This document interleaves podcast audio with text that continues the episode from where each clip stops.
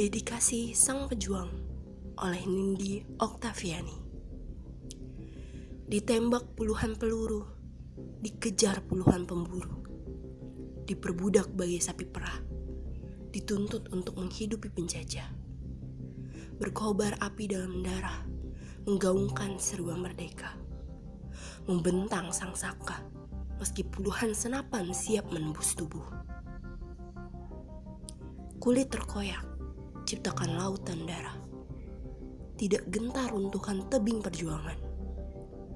Asa ingin anak cucu tidak bernasib serupa, meski diri tidak akan pernah berjumpa. Sang Saka berhasil berkibar kokoh di atas jutaan jiwa yang merayap menggapai puncak tertinggi.